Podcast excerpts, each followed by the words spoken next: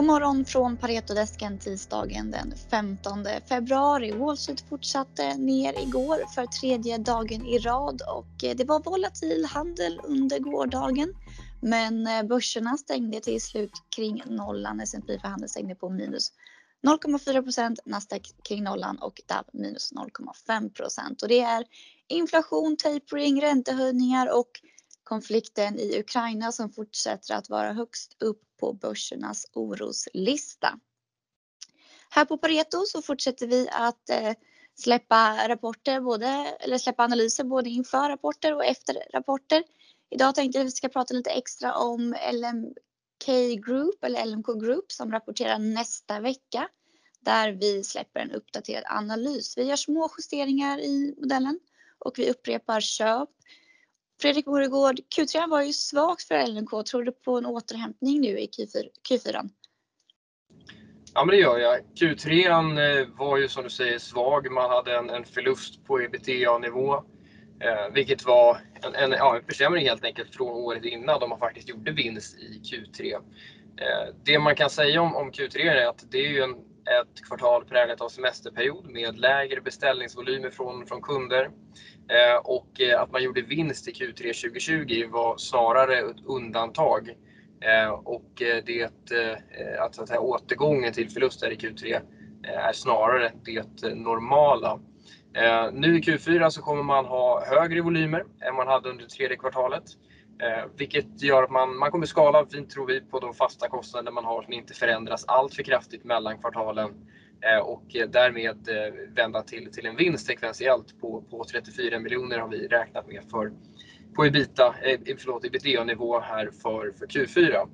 Eh, så vi tror att det kommer vara ett, ett kvartal som visar att det här bolaget klarar av att, att eh, skapa vinster även när efterfrågan mattas av lite grann eller nu är inne i en, en normaliseringsfas skulle jag vilja kalla det.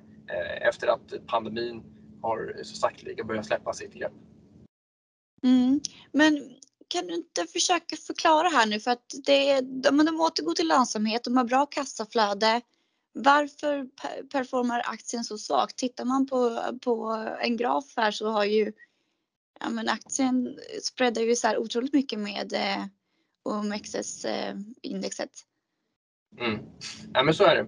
Eh, jag skulle säga att det är två anledningar. Det ena är att man har eller att man är på väg att genomgå en, en lite jobbig fas på så sätt att efterfrågan normaliseras, eh, tillväxten kommer ner. De är inte på, tillväxten är inte på den 10 12-procentiga nivå som bolaget eh, kommunicerade vid, vid IPO utan vi räknar med att det kommer vara knappt 2% här i Q4. Eh, vi tror att det kommer vara låg här under första halvåret också. Eh, tillsammans med det här så har man återaccelererat framförallt sina marknadsföringsinvesteringar som man körde på sparlåga under egentligen hela, hela 2020. Det gör att marginalerna kommer ner år över år. Det gör att ebitda minskar år över år. Eh, och det, det då ser ut som att bolaget är inne i en negativ vinsttrend. Vi tycker att man gör de här investeringarna i marknadsföring. Det är viktigt för att kunna fortsätta driva Eh, lönsamhet i affären på sikt de nivåer i marknadsföringsspend man hade under 2020, de var inte hållbara utan man var tvungen att rampa upp det på en nivå här runt 13 som, som vi befinner oss på, på i dagsläget. Eh, och där vi tror att man, man kommer så att säga, sluta skala upp den fortsatt utan mer normaliseras på den här nivån. Eh, så det skulle jag säga är, är det första och det liksom tydligaste om, om, man blickar tillbaka och ser vad det är som har hänt med de senaste kvartalsrapporterna och vad vi väntar oss i närtid. Sen skulle jag vilja lägga till att eh, även med den här normaliseringen och med eh, de här åter, eh, återaccelereringen av marknadsföringsinvesteringar Eh, så är det ju tydligt att när man blickar in i 2022, 2023 så har marknaden ingen som helst tilltro till att det här bolaget ska kunna skapa en lönsam tillväxt eh, som man har gjort eh, dels under pandemin såklart men också precis innan pandemin började. Vi tror att man kommer kunna skapa en, en lönsam tillväxt. De har en, en bra eh, unit economics, det vill säga lönsamhet per matkasse som man producerar och skickar ut. Man har gjort nödvändiga investeringar i att vara en, en flexibel matkasseleverantör eh, och på så sätt kunna konkurrera med exempelvis HelloFresh med, ett väldigt, eh, med, med ett väldigt konkurrenskraftigt, en väldigt konkurrenskraftig produkt. Eh, och som sagt, vi tror att man kommer kunna växa. Kommer man kunna växa så har man en ganska skalbar modell. Då kommer marginalerna också bottna ur här under 2022 och eh, därefter vända uppåt. Eh, det är det vi tror på. Då ser aktien fruktansvärt, eh, eh, fruktansvärt lågt värderad ut, men det är tydligt att, att marknaden inte tror på det scenariot i dagsläget. Nej, men om man, eh, om man vill och tror på det så är det ju en, eh, ja, men som du säger, lågt värderad aktie som man kanske borde våga hoppas på eller vad, Hur ska man sammanfatta det? Precis, jag skulle säga att allting handlar om, om eh, tillväxten eh, i, i dels i den säga, breda matkassemarknaden i Norden men också såklart för LMK. Eh, vi tror att de har det som krävs för att kunna växa sin försäljning, växa sin omsättning och vara eh, konkurrenskraftiga mot HelloFresh. Eh, även om vi eh, tror att HelloFresh sannolikt har så att säga, ledartröjan på sig även här i Norden eh, så, så, så är det här inte som vi ser en marknad där winner takes it all utan det finns plats för ytterligare konkurrenter. Den spelaren tror vi är LMK. Vi tror att det finns tillväxt och då kommer lönsamheten följa med eh, och, och aktien också. Mm, rapporten kommer den 25 februari. Om vi går vidare till Mips då som rapporterade förra veckan och eh, rapporten var väl inte så svag som marknaden tog emot den. Aktien föll 20% på rapporten. Vad var det som marknaden inte gillade i Mips tror du?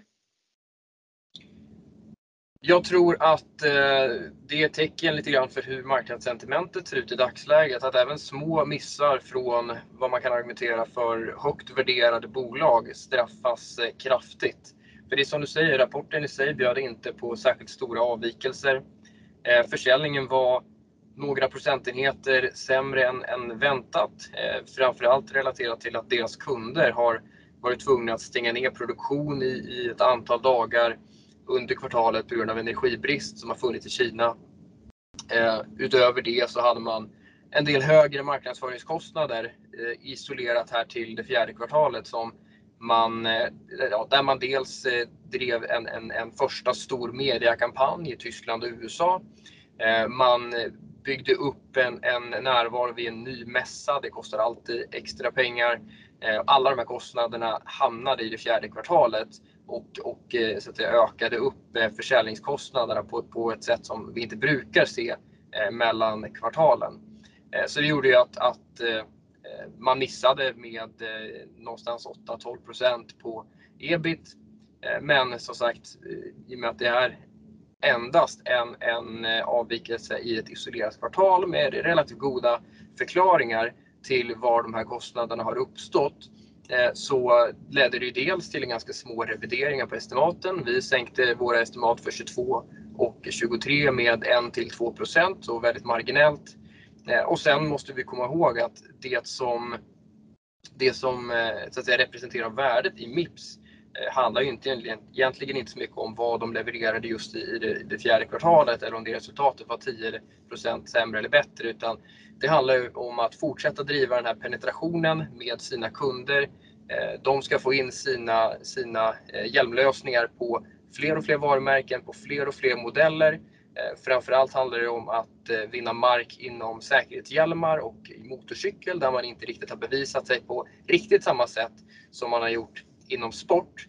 Eh, och där tycker vi att de fortsätter leverera. Jämför man nu utgången av 2021 med utgången av 2022 eh, så går man in i det här året nu med eh, ungefär 18% fler varumärken. Man samarbetar med drygt 20% fler modeller som har Eh, integrerat Mips lösningar i hjälmarna. Så det finns ju en, en väldigt tydlig eh, väldigt tydligt att eh, de kommer kunna fortsätta växa det här året på ett väldigt kraftigt sätt. Vi räknar med 25% organisk tillväxt eh, och med fortsatt väldigt bra lönsamhet i modellen. Eh, så eh, en, eh, vad vi tycker är en, en kraftig överreaktion på den eh, rapporten. Eh, som du sa, aktien är 20 Eh, speglar inte alls vad vi ser att, att det här så att säga, påverkar eller innebär för den långsiktiga synen på, på bolaget och aktien. Mm, lite konstigt att aktien inte återhämtade sig alls. Den har ju bara fortsatt ner sen det här. Är det bra tillfälle att plocka upp aktien eller tror du att en sån här tillväxtaktie i det här klimatet som ändå är väldigt högt värderad kan droppa 10% till i det här klimatet? Ja, jag skulle säga så här. Du, när du säger att den är högt värderad så kan jag både hålla med och, och inte hålla med. Eh, värderingen måste såklart ställas till vad man har för framtidsutsikter som, som bolag. Och jag eh, är såklart beredd att betala en, en mycket högre multipel eh, idag för ett bolag som Mips med, eh, ett, eh, liksom, med 10-20 år av tvåsiffrig tillväxt eh, framför sig jämfört med, med något som är, är betydligt mer, mer moget. Så så uh, värderingen kortsiktigt på multiplar ser såklart högt ut, eh, ser hög ut. Där håller jag med dig om att har man en, en försiktig marknadssyn så är det ju sannolikt inte en aktie som kommer att outperforma under tiden som, som marknaden är generellt svag, som den typen av aktier har ett svagt momentum. Eh, men eh, däremot så är jag ganska övertygad om att eh, vi kommer få en bra eh, Q1-rapport eh, när den kommer i, i maj Eh, eller maj, månadsskiftet april-maj där någonstans. Eh, och att eh, när sentimentet i marknaden vänder eh, så är jag tämligen säker på att det här kommer vara en aktie som tar fart ganska snabbt och, och börjar handlas upp igen. Ja, ja, spännande. Tack så jättemycket Fredrik. Tack. Två aktier vi har fortsatt köprekommendation på alltså. Det var det vi hade bjuda på idag. Vi är tillbaka igen imorgon. Ha en fin tisdag.